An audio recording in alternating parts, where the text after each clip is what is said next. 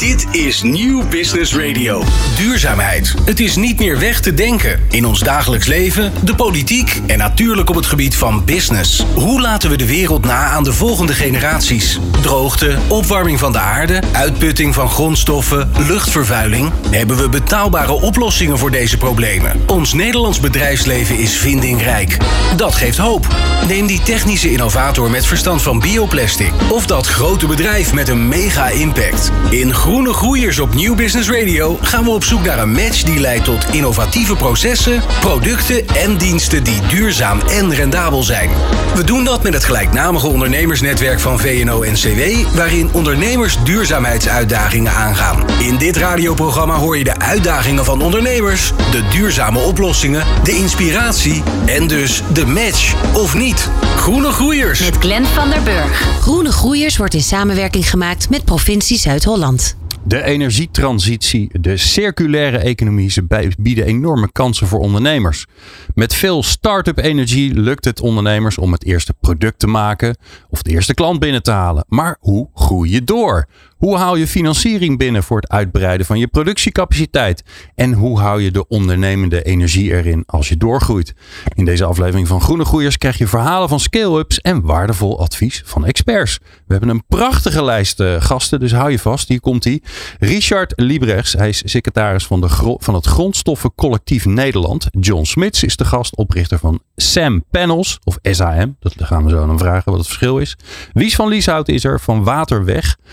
Eh, Menno van Dijk is de gast, eh, expert op het gebied van scale-ups, van Scale-up Nation. En Marloes Arkenstein, eh, die hangt aan de lijn. Transitiemanager, circulair, voedsel en groene grondstoffen van de provincie Zuid-Holland. Fijn dat je luistert. Duurzame kansen pakken. Groene Groeiers op Nieuw Business Radio. Met Glenn van der Burg. Eh, Marloes Arkenstein van de provincie Zuid-Holland. Ik ga eh, een beetje gek misschien als je het over scale-ups hebt, maar ik ga toch bij jou beginnen. Ja, je zou gelijk denken van ja, dan moet je met een ondernemer of met een adviseur gaan praten. Maar ehm, ja, daar zat ik over na te denken. Het is wel prachtig dat we praten over de energietransitie. Nou, die is wel redelijk in volle gang.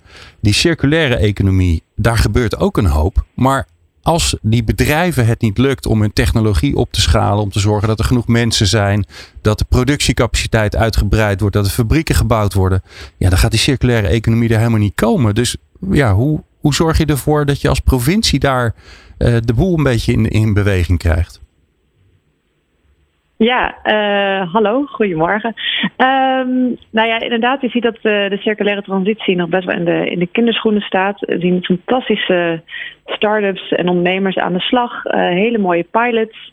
Eh, maar wat we ook zien is dat het daarna vaak eh, blijft hangen. Omdat de circulaire economie echt vraagt om, zoals we het noemen, een andere manier van denken, doen en organiseren.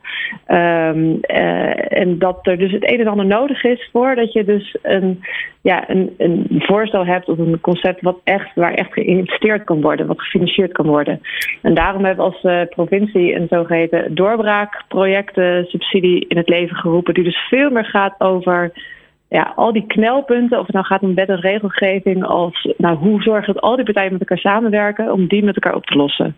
Ja, want eh, je hebt het over knelpunten. Nou ja, de wet en regelgeving noemde je zelf al. Dat is natuurlijk interessant. Hè? Vaak zijn er, lopen volgens mij überhaupt bij de hele duurzame transitie tegenaan dat er hele goede wetten en regels zijn die voor een heel goede reden in, in het leven zijn geroepen, maar waar we nu last van krijgen. Uh, Mhm. uh, welke andere knelpunten kom, kom je nog meer tegen, hebben jullie geïdentificeerd? Nou ja, goed. Kijk, bijvoorbeeld uh, in dit geval waar je het zo meteen over gaat hebben, gaat het over reststromen uit publieke ruimte. Uh, en dan moet je je voorstellen, in één regio uh, is er de gemeente die gaat over een deel van het bermgras langs de wegen. En Rijkswaterstaat en de provincie en het waterschap. Dus om alleen al volumes bij elkaar te brengen is al een enorme uitdaging. Um, een andere uitdaging is, nou ja, wij, wij zijn eigenlijk als overheden besteden we dat soort, uh, hoe zeg je dat, uh, besteden we aan aan aannemers. Ja, en daarin uh, ja, vervalt het eigenlijk. Dus in, in, onze manier van inkopen en aanbesteden kunnen we ook nog veel meer doen, denken wij, om de nou ja, om hoogwaardige verwerking van dit soort reststromen voor elkaar te krijgen. Of als vanuit een rol als landje customer. Dus dat vraagt ook weer als overheid, ook weer een transitie van onszelf. Ja, en dus zeg, er, ik ja. hoor je eigenlijk zeggen, Marloes, ja, de, de markt gaat het uiteindelijk misschien wel oplossen, alleen het duurt gewoon te lang. Het duurt lang, inderdaad. En er zijn. ehm, er is soms niet een prikkel om. eh, met elkaar al, dat er iemand naar voren stapt en zegt: Ik ga al die partijen bij elkaar brengen om al deze knelpunten op te lossen. Want wie gaat het dan financieren en wie gaat het dan doen? Ja. Ehm, dus daardoor helpen dit soort nou ja, subsidies toch wel om daar die ruimte voor te bieden. Ja. ja, dus eigenlijk is de hele duurzame transitie ook voor een belangrijk gedeelte een samenwerkingsvraagstuk. Zeker, ja, want dat zeggen we, zien we steeds meer. Het gaat echt niet zozeer om die technologische innovaties. Heel veel oplossingen die zijn er ook al. Het gaat echt net om de sociale innovatie. Dus hoe werk je anders met elkaar samen? Hoe verdeel, herverdeel je waarde in de keten? Uh, hoe ga je met elkaar uh, beleid en regelgeving wat in de weg zit, dat op een andere manier organiseren? Um, dus dat vraagt de circulaire transitie inderdaad heel erg. Ja, en dan noemde je de doorbraakprojecten, dat er subsidie uh, beschikbaar voor is, of beschikbaar voor was. Dat weet ik eigenlijk niet. Uh, ja, trouwens, sowieso, als je luistert, kan het best zijn dat het ondertussen al verstreken is. Ja, dat is nou helemaal zo met subsidies. Uh, maar ja. daar komt vast wel weer wat anders dan. die doorbraakprojecten, hoe, hoe werkt dat dan? Nou, we hebben um, nu net de tweede openstelling gehad. Dus het begon met natuurlijke reststromen en onlangs met biobased bouwen. Uh, en in principe zijn we van plan om ja, nog wel meerdere uh, openstellingen te doen. Maar wat het wel belangrijk is, dat je uh, dat doe je niet zomaar zo'n openstelling op een bepaald thema. Dat er wel echt een netwerk al aan de slag is met elkaar. we zijn hier ook bezig met vernieuwersnetwerken, zodat je ja, eigenlijk al allerlei partijen hebt die al zien van hé, hey, we willen iets met elkaar, we zien kansen. En dan helpt zo'n subsidieregeling eigenlijk om echt met elkaar samen te doen, in plaats van alleen maar te netwerken en te inspireren. Ja, ja. Je, ben, je, ja. Ben, je bent me voor. ja, nee, dat is natuurlijk wel interessant. Want ik hoor je eigenlijk zeggen, ja, we hebben een bepaald, uh, bepaalde visie, een bepaald beleid vanuit de provincie, waardoor we uh, zaken gaan stimuleren. Maar er moet ook al een voedingsbodem zijn. Klopt. Dus die combinatie ja. van die twee. Ja. Ja, dus je moet wel weten van waar zijn er partijen die wel iets willen en waar ook kansen liggen. En waarvan we ook zien, hé, hey, dat kan echt versnelling brengen op de, op de transitie. Um, maar, nou ja, goed, wat ik al zeg, het is niet meer één of twee partijen uh, die je wil uitdagen. Als je zo meteen ook gaat praten met de projecten die, uh, die bij ons aan de slag zijn, of die met de regeling aan de slag zijn. Um, Eentje is zelfs met 30 partijen. Wow. Dus het, het, is echt wel. Um, het vraagt veel bredere samenwerkingen om dit soort ingewikkelde knelpunten op te lossen dan, uh, dan dat één bedrijf dat kan doen. Ja. Hey, en, en wat doet de provincie dan, behalve dan dat er een subsidieregeling is, oftewel uh, jullie stellen geld ter beschikking? Ja, ja, nou ja, goed. Wij zijn dus ook uh, degene geweest die nou ja, vernieuwersnetwerken opzet. Dus juist om te zorgen dat die partijen die op eilandjes bezig zijn bij elkaar gebracht worden. Uh, uiteraard doen we dat niet zo, maar dan is het echt wel dat nou, ik, ik als transitiemanager merk van hé, hey, hier is echt behoefte aan en hier zit een kans en een knelpunt. Um, en dus, dus dat is in ieder geval ook wat we doen. Uh, we hebben ook allerlei nou ja, ook wat challenges en hackathons gedaan om te zorgen dat er überhaupt ondernemerschap of circulair op gang komt. Uh, of tenminste, ja, dat gebeurt voor een deel ook wel zelf, maar ook uh, als uh, provincie kunnen daar wat setjes in geven. Ja. Nou ja, wat je zegt eigenlijk, dat inderdaad die, die voedingsbodem er is om echt met elkaar weer een stap verder te zetten. En daarnaast wat we doen, en wat we ook steeds meer moeten doen, is, ja, het is mooi dat die partijen dan aan de slag gaan, maar wat, er zijn dus ook rollen vanuit onszelf.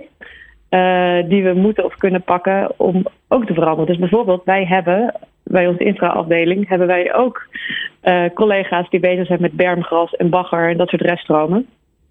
Dus het vraagt ook van mijn collega's ook een andere manier van, uh, ja. van werken. Ja, want jullie zijn eigenlijk zelf grondstoffenleverancier, zou je kunnen zeggen. Ja, precies. Zo ja. zien we dat tot nu toe. heel lang hebben we dat niet zo gezien. Van het vervalt aan de aannemer, die ziet maar wat hij ermee doet. Ja. Uh, en tegelijkertijd kan je zeggen: ja, maar wacht even, dit zijn gewoon publieke reststromen. En we hebben uitdagingen op het gebied van biobased bouwen of de bodem verbeteren. Ja, laten we vooral kijken hoe we die goed kunnen laten bijdragen aan maatschappelijke opgaven. Ja. Nou, um, uh, gaan we even naar de, de ondernemers die dan in zo'n uh, netwerk uh, plaatsen nemen of die daar baat bij hebben. Ik begin even mm -hmm. bij John Smits van Sam, Sam Panels.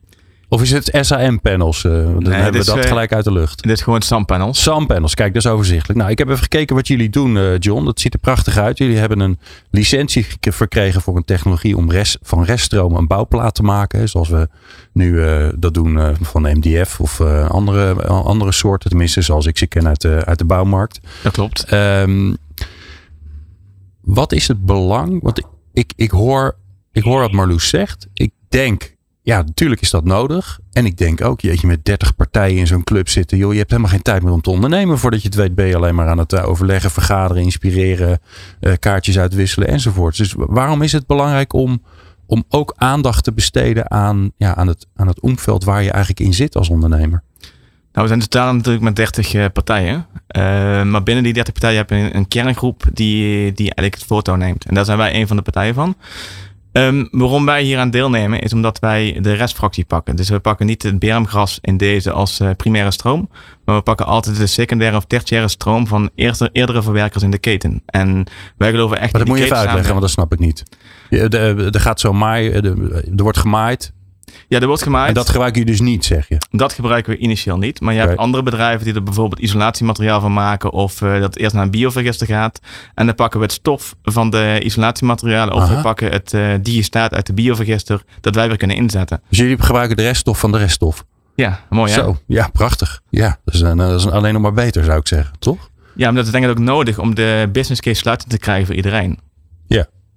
En, en welke rol, waarom ga je dan in zo'n. Ik snap dat je, uh, dat je een leverancier nodig hebt en dat je aan die rest, reststroom van de reststroom moet komen.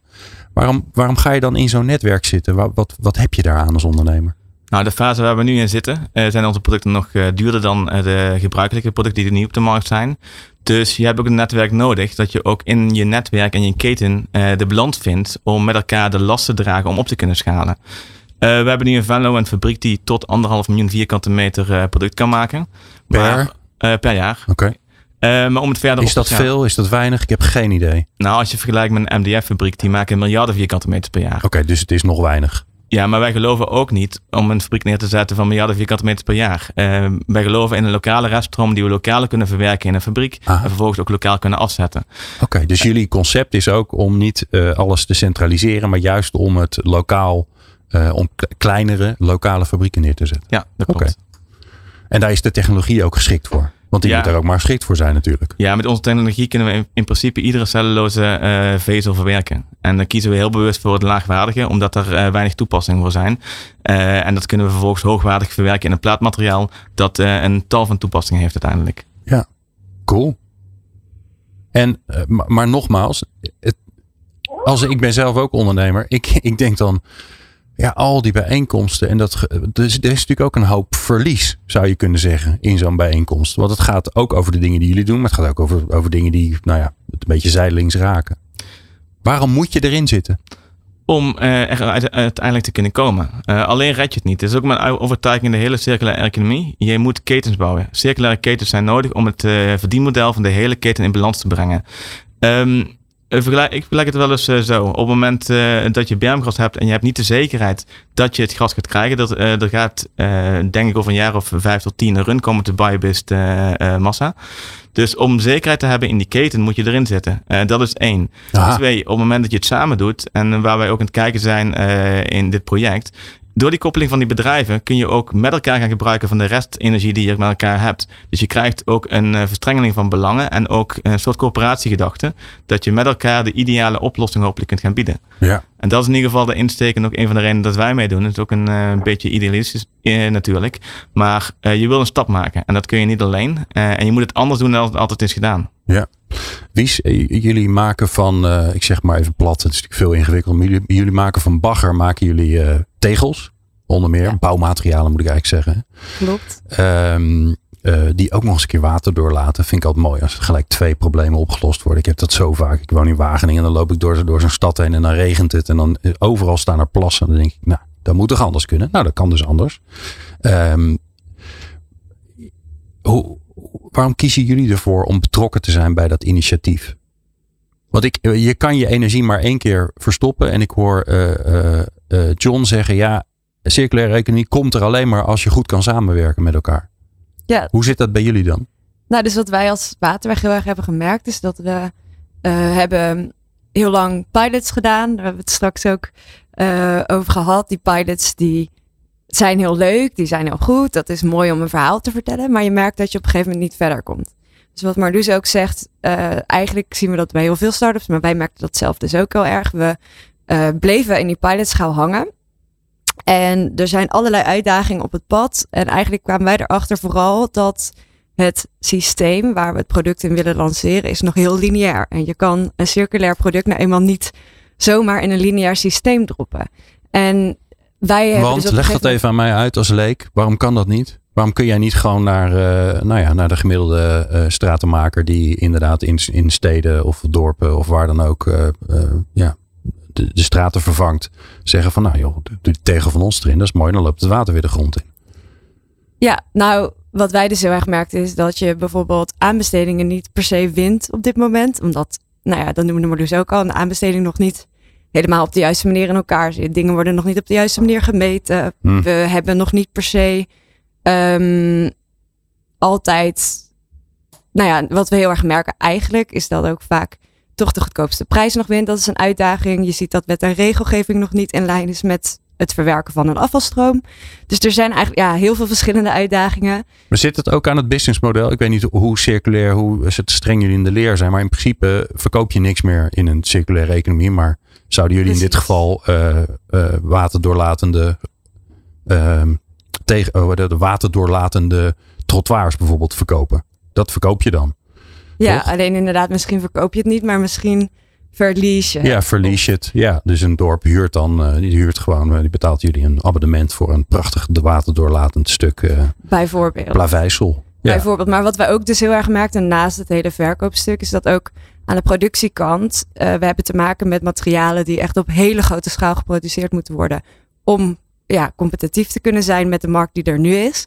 Ehm, wij hebben ervoor gekozen, eigenlijk in tegenstelling tot wat nou ja, jullie bij eh, Sam hebben gekozen, is niet om kleine fabrieken op te zetten, omdat we dus wel enigszins concurrerend willen kunnen zijn uiteindelijk. Ehm, maar dat betekent ook dat we met de huidige fabrieken moeten gaan werken. En die fabrieken moeten anders gaan produceren. Oké. Alleen de Je, geen bouwmarkt... eigen- je gaat geen eigen fabrieken bouwen. Nee, en die, wij willen heel graag de huidige economie meenemen en zorgen dat zij in transitie gaan. Ja. Maar dat neemt ook heel, ja, heel veel extra uitdagingen met zich mee, omdat je ook merkt dat de bouw heel erg overvraagd is op dit moment. De fabrieken hebben daardoor heel weinig incentive om te zeggen, ja, we gaan even alles stilleggen en dan eh, Ja, gaan we wel even iets nieuws proberen. Ja. Daar, ja, in principe is er heel weinig aanleiding om dat te doen op dit moment. Dus dat is bijvoorbeeld een andere uitdaging die wij heel erg tegenkwamen. Maar wat onze oplossing daarvoor eh, is geweest, is eigenlijk om niet alleen als waterweg en als productontwikkelaar eigenlijk eh, te werken, maar om te zeggen we moeten dus meer die ketensamenwerking gaan opzoeken. Toen hebben we het consortium opgericht, het Circulaire Bagger Consortium. En met dat consortium, ja, Klinkt dat namen. gelijk gezellig, ja. ja. Wat een baggerconsortium is Ja, dat, hè? hartstikke bagger. nee, ik moet hem toch even maken. Ja, nee, maar in dat consortium werken we dus met regionale partijen samen in regio Zuid-Holland. Ehm, en om eigenlijk ja, precies datzelfde verhaal als wat er net verteld is, met al die partijen in die keten samen te werken en te zorgen dat er lokaal dingen kunnen gaan veranderen en dat we het hele eh, cirkeltje eigenlijk met elkaar kunnen gaan sluiten. Ja. En dat doen we door eh, met ondersteuning van het doorbraakproject. Ja, nou, dat, is, dat is hartstikke mooi. Zeker. Ik, ik denk dat toch ook heel flauw, Marloes. ehm, ja, als je bagger hebt die uit de provincie gebaggerd wordt. En je weet niet zo goed wat je ermee moet. Want volgens mij gooien we het allemaal weg. eh, of gooien we het op een hoop ergens. Of ik weet niet precies wat ermee gebeurt. Maar we maken er geen eh, mooie tegels van.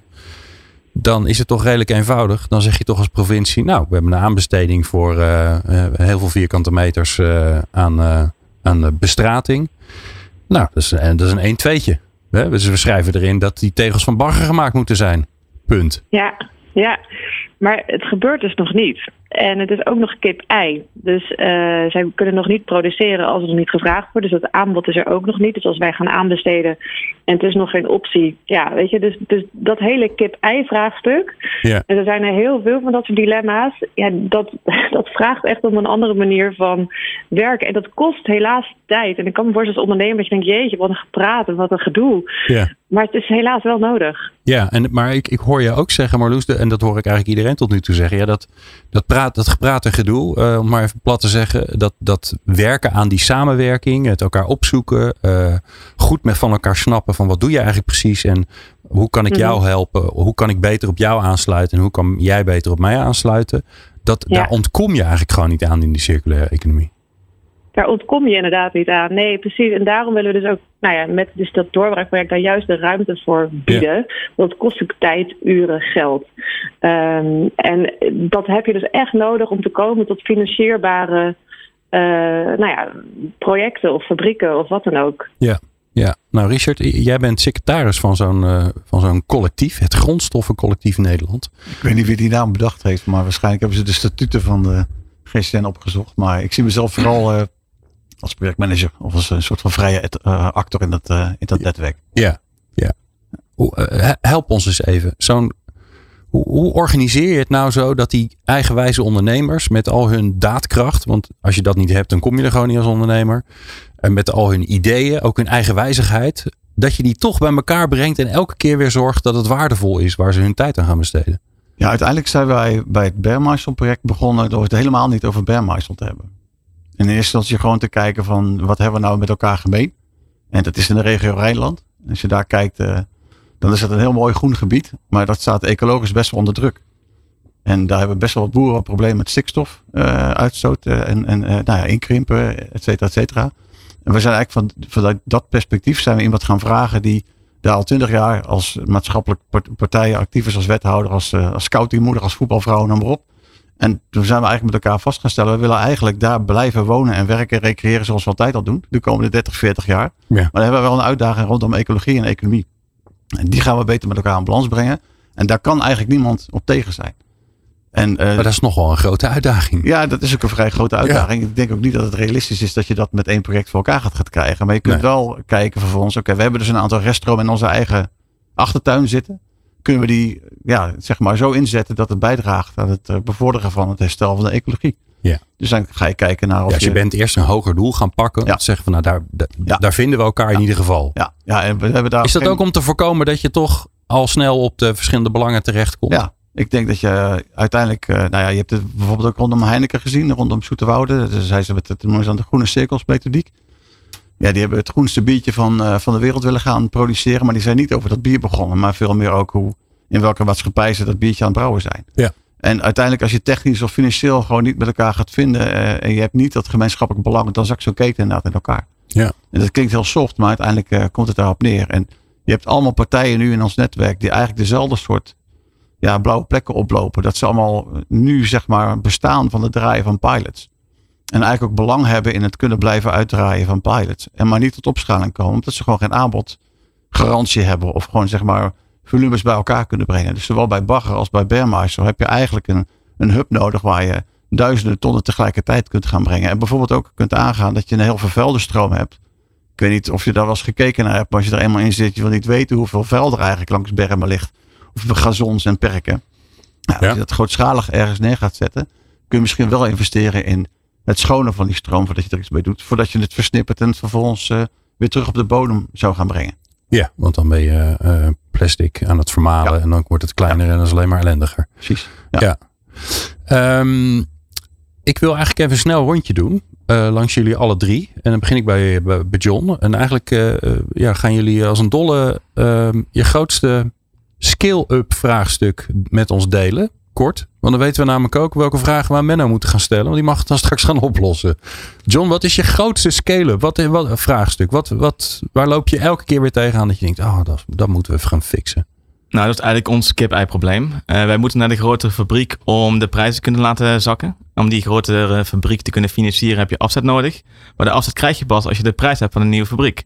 Dus je loopt de hele tijd in die cirkel vast die je probeert te doorbreken om uh, die financiering rond te krijgen, om die fabriek te kunnen realiseren. Ja, oké. Nou, dat lijkt me een, een heel begrijpelijk en volgens mij veel voorkomend vraagstuk. Wies? Ja, dan ga ik toch ook met een kip-ei-verhaal komen. Ja, heerlijk. We zijn gek op kip-ei-verhalen. Ja. ja.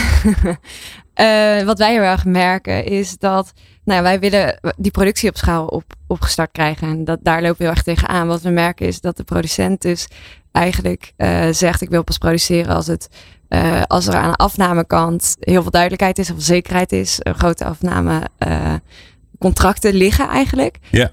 Maar bijvoorbeeld een provincie die, die zegt ja wij kunnen pas tekenen als het product helemaal uitontwikkeld is, als het product gecertificeerd is, aan alle normeringen voldoet. Um, het kip-ei daarin is dat ja dat daar zit eigenlijk een gat, want ja. je moet wel op grote schaal produceren wil je een certificering krijgen. Want met je certificering gaat het eigenlijk over Je productieproces, proces. toch? Ja. inderdaad kwaliteit levert. Ja. Dus ja, dat gat moeten wij zien doorbreken. Nou, heel goed. Hebben we die ook. Eh, ja, Richard, jouw wereld zit iets anders in elkaar. Want die zit altijd in elkaar van heel veel mensen die samen iets van elkaar willen krijgen. Maar wat is, wat is het vraagstuk wat jij eh, zou willen delen met de, de wereld? En dat uh, Menno's dag zich zijn tanden daar straks op stuk mag bijten. Ik denk dat ze stiekem niet zo heel anders in elkaar zitten als ik, denk ik hoor. Maar mijn hoofdvraag is eigenlijk eh, richting een impact investor. Hoe financier je een keten? Ah, En ehm, met name, hoe krijg ik een keten zover dat een aantal van de waardes die je creëert als keten ook terugkomt in de business case. Zonder het alleen maar over geld te hebben. ja. Want dat is ook nog eens een keer interessant, toch? Ja, want eh, je hebt, eh, je hebt eh, simpelweg factuurtjes die je mag sturen. Maar heel vaak zit de waarde weer heel ergens anders. hè. Ik hoor beide beetje- collega's aan beide kanten van mij vertellen over mijn prijs. Mijn product concurreert nog niet met de huidige markt. Maar volgens mij is dat wat, wat Wies ook zei. Dat is precies het introduceren van een circulair product in een lineaire markt. Het is Ja. eigenlijk het vinden van het goede antwoord op de verkeerde vraag. Ja, ja. Nou, nou, daar gaan we straks naar op zoek. Het goede antwoord op de goede vraag. En dat hoor je zo. Precies. De natuur en jouw bedrijf laten groeien? Luister naar Groene Groeiers op Nieuw Business Radio. Nou, we hebben een lekkere volle studio met eh, Richard Libres van het grondstoffencollectief John Smits, van Sam Panels, Wies van Lieshouts van Waterweg. Ehm, aan de telefoon, gelukkig nog steeds, eh, Marloes Arkstein van de provincie eh, Zuid-Holland. En Menne van Dijk is eh, aangeschoven.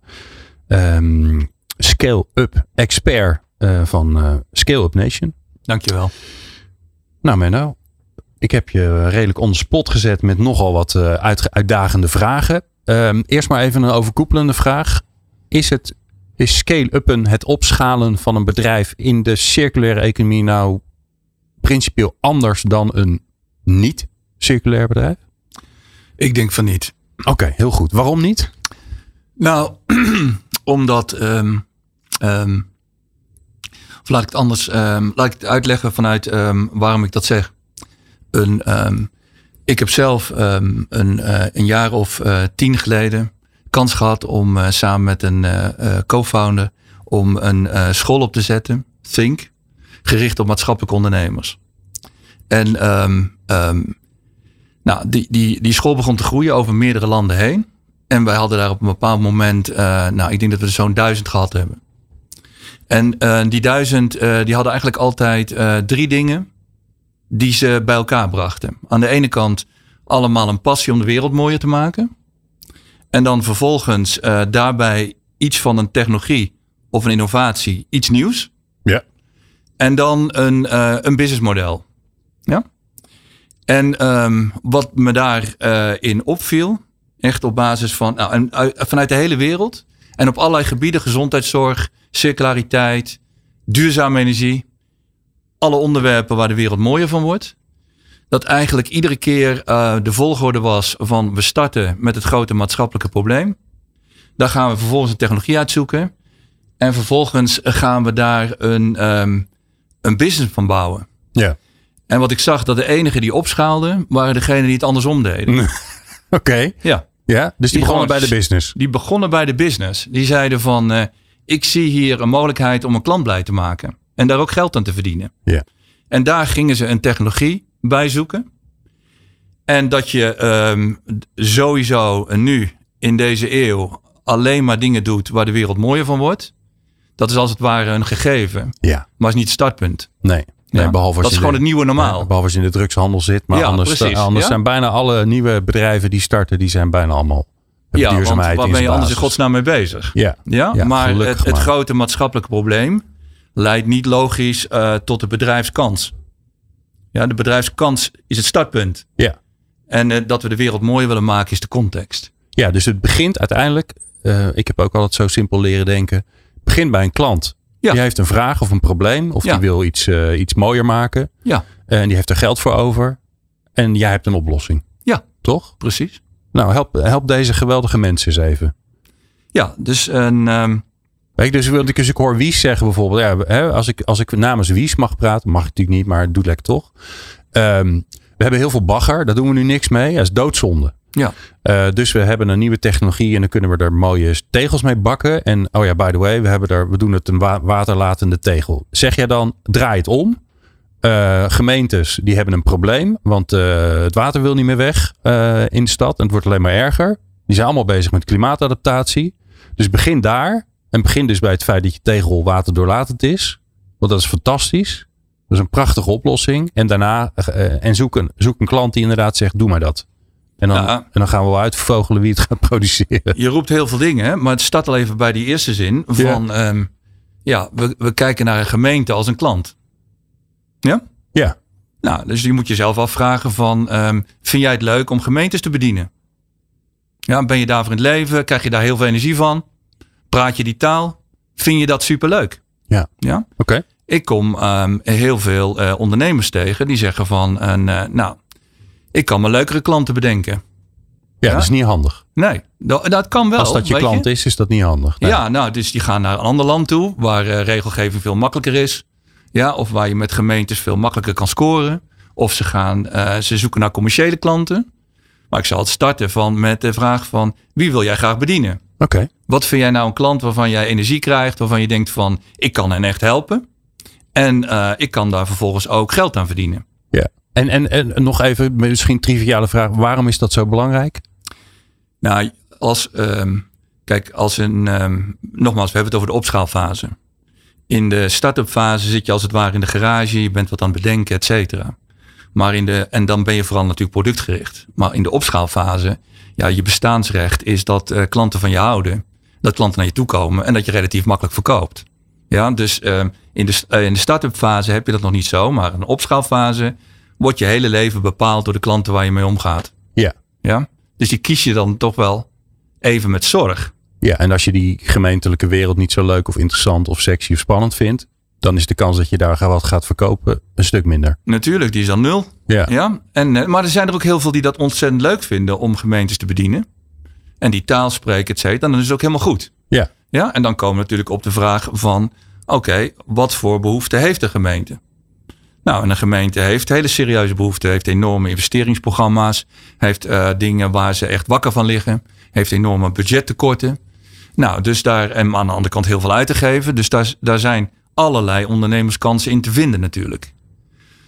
Als een gemeente zegt, eh, ja, wij zitten met, eh, want dat was dan een van de vragen, wij zitten met iets eh, waar, wat we wel willen, maar eigenlijk ook nog niet.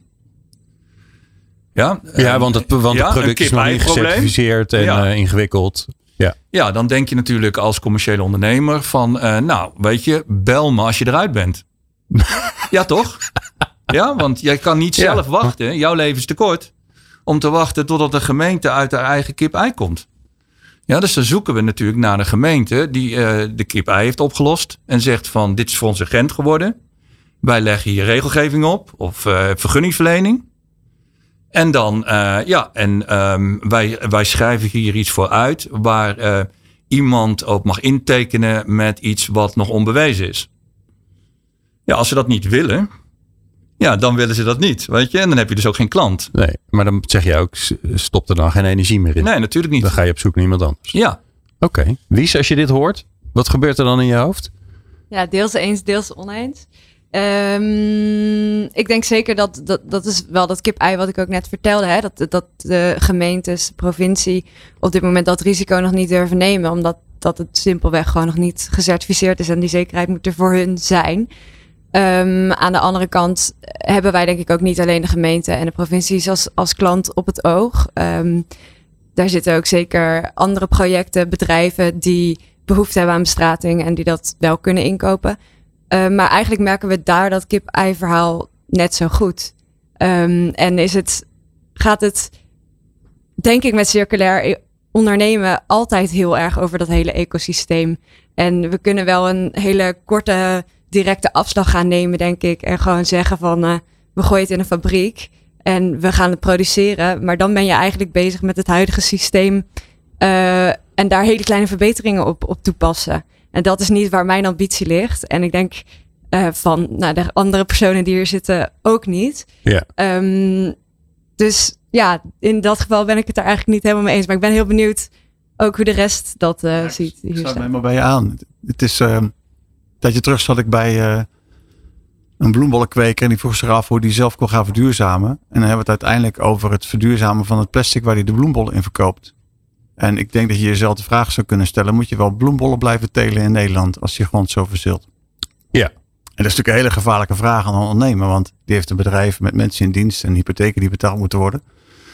Maar als je nee, dat is waar. Maar als je bedoel, dit, gaat niet over opschalen. Dit, is, als- als dit gaat over keuzes maken. Als hij de wereld zo makkelijk voorstelt als dat die, als dat die eh, is, ja, dan zijn we alleen maar incrementeel aan het veranderen.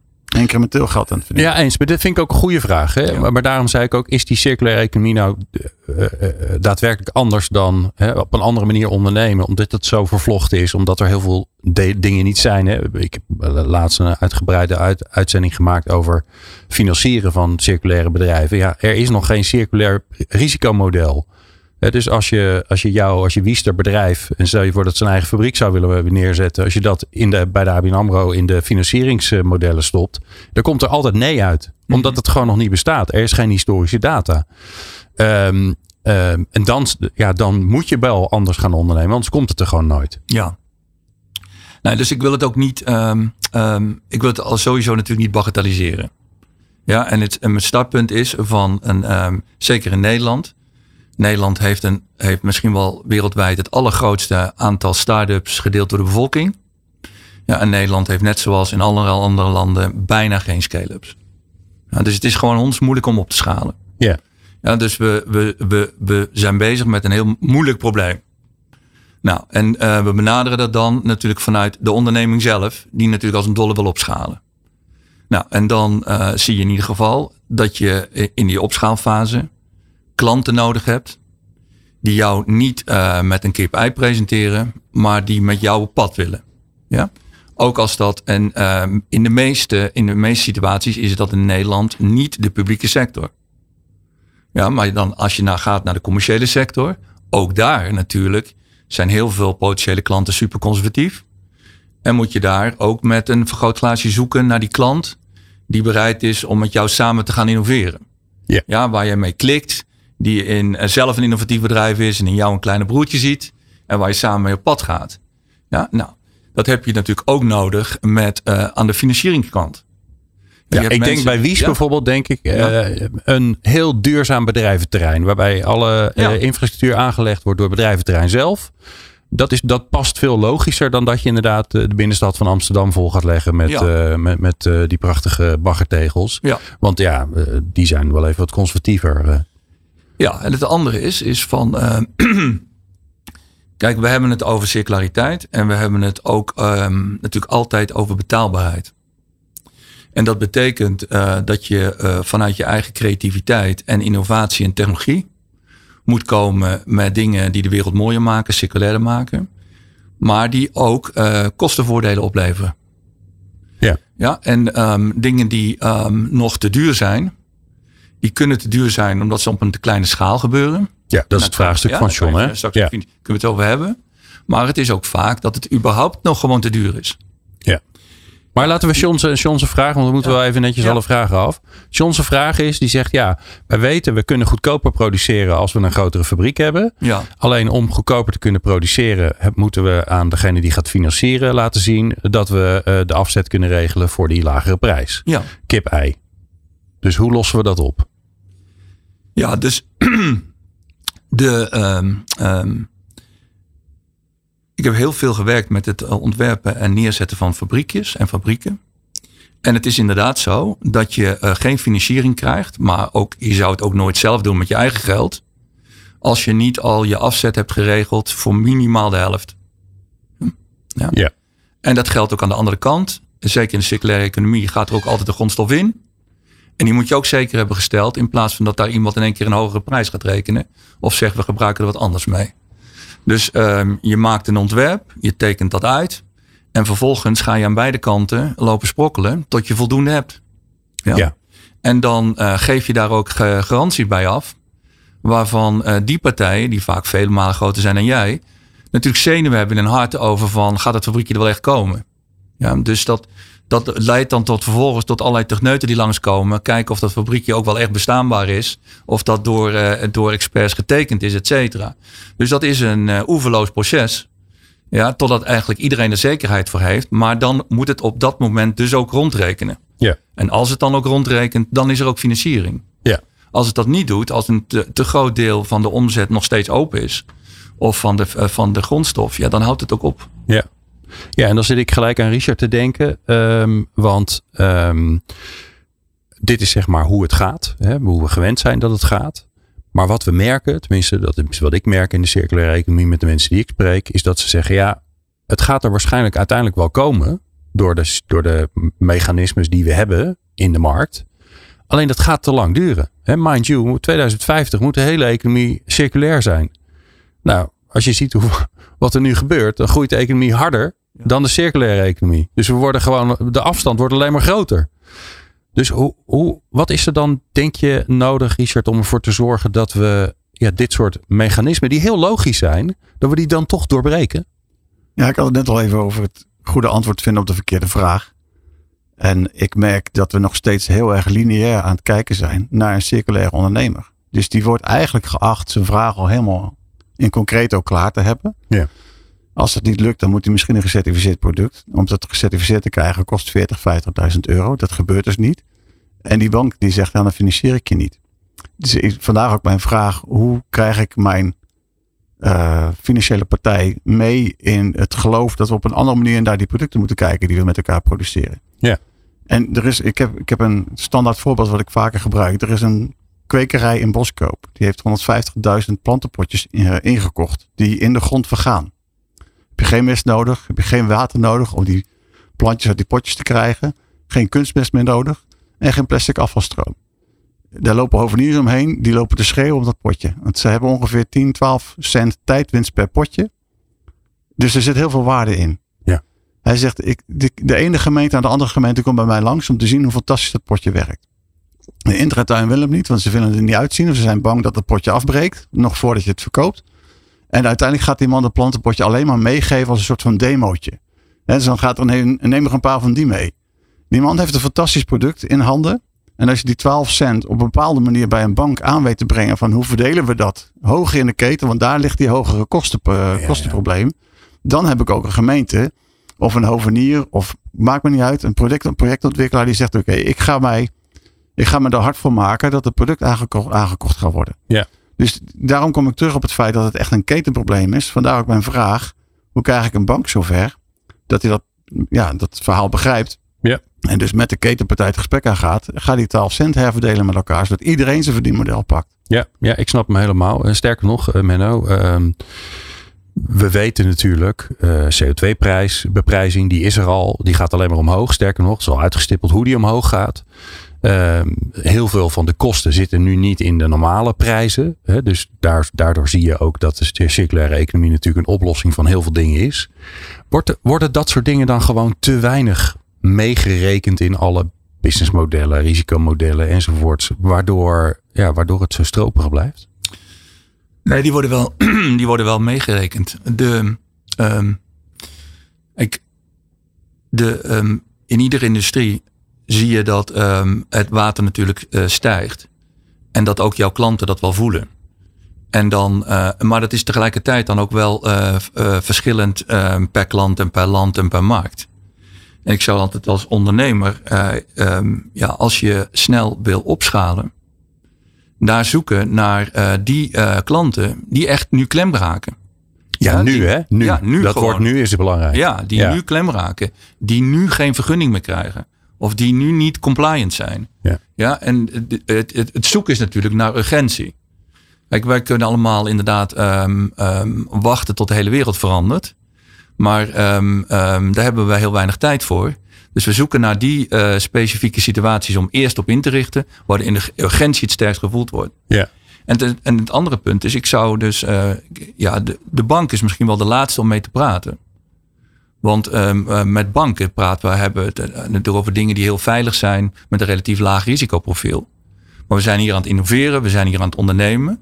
We doen dus dingen die spannend zijn, hoog risico. Dus we zoeken naar eh, klanten die precies zo denken. We zoeken naar investeerders die hoge risico's willen nemen. En we, we, we rekenen naar businessmodellen die, ehm, die ook een beetje risico kunnen hebben. Dus ik zou ook altijd wegsturen van iedereen die zegt van ik heb grote schaal nodig. Ja, zoek dan naar een technologie waardoor je dingen op hele kleine schaal kan doen. Ja. Liever tien kleine fabriekjes dan de hele grote. Ja. Ja? En dat soort flexibiliteit denken, dat, dat wakkert natuurlijk het tempo aan. Wij kunnen hier nog uren over praten. Dat gaan we niet doen, want we zijn al bijna door het uur heen. En we hebben nog een wild idee. Dus daar gaan we eerst naartoe, want er is nog een ondernemer die we kunnen helpen. En dat doen we natuurlijk het allerliefst. Um, het is het wilde idee. Het gaat over eh, circulaire sportkleding. Dus nou, we blijven in een circulaire hoek. Dat is altijd fijn. Um, en je gaat luisteren naar Floris Verheij. Hij is uh, de oprichter van Circular. Het wilde idee van... Floris Verheij en ik ben medeoprichter van sportmerk Circular. Onze missie, de sportwereld veranderen naar een circulair systeem. Want sport en sportsponsoring creëren jaarlijks miljoenen kilo's aan afgedankte materialen. Denk aan clubtenues, bidons, schoenen, keepersuitrustingen en ga zo maar door. Met Circular hebben we verschillende partnerships opgezet om deze materialen tot grondstoffen en nieuwe sportieve producten te kunnen verwerken. Zo spelen dit jaar al meer dan 100 verenigingen met onze trainingspionnen. In Nederland geproduceerd van gerecyclede oude pionnen en drinkbidons. Een voorbeeld van een van de ontwikkelingen waar we aan werken is circulaire wedstrijdkleding. De volgende stap? Het uitrollen van een landelijk inzamelnetwerk op sportverenigingen om grote volumes sportkleding en materialen in te zamelen en te recyclen. Om echt impact te maken, moeten de verkregen grondstoffen ook beschikbaar worden voor andere sportmerken en producenten, inclusief digitaal materialenpaspoort, circular medesportlicentie en end-of-life inzamellogistiek. We zoeken altijd nieuwe samenwerkingen met sportmerken, sponsoren, verenigingen, recycling en productiebedrijven. Want ook circulariteit is teamwork. Zo. Nou, dan gaan we eerst naar uh, Marloes Arkestein, want uh, die moet het uh, snelst ook weer vertrekken volgens mij. Marloes, een heel kort advies aan Floris. Jeetje. Nou, ja, on the spot hè. Nou, ik moet zeggen, ik vind het echt wel even lastig. Inderdaad, de schakel hierin. Van, inderdaad, ik zit heel erg aan de groene en de voedselkant. En dan moet ik iets vinden over sportschoenen. Ja. En uh, recycling. Mag ik deze even passen, eerlijk gezegd? Och, dat mag altijd. Dat mag altijd. En je mag erover nadenken. Dan kun je altijd nog eens een keer kunnen we je in contact brengen met, uh, met Floris. ik wil, je mag me, dat ik wil heel graag met je weer met de juiste mensen in contact brengen. Maar zelf, uh, nee, heb ik niet nu no niet, niet, een goed advies voor no je. No worries. Het, het, het, ergste advies is een slecht advies. Dus je kan beter dan geen advies geven. Dus heel, heel goed. Ja, ja. ja heel goed. Uh, Menno, kort advies. Super interessante, gave kans. Een hele grote markt. En uh, het enige advies wat ik je zou willen geven is van blijf weg van subsidies. Probeer dit uh, te doen dat het helemaal rondrekent. Want ik kan laten zien dat um, ja, hoe meer subsidieafhankelijkheid je hebt, hoe lager je kans dat je ooit opschaalt. Oké, okay, god, dat is nog eens een interessant advies. Richard, jouw advies? Ik zou zeggen, betrek ook de primaire producenten erbij. En uh, laat die een belang hebben in het feit dat jij hun uh, grondstof aan het. Uh, en dat zijn de producenten die er weer textiel van maken, zeg maar. Nou, of de producenten, ja, die er ja. sportkleding van maken. Ja, oké, okay, hartstikke goed. Um, dan gaan we naar. we eindigen gewoon met de dame. Dus we, we, gaan naar, we gaan naar John.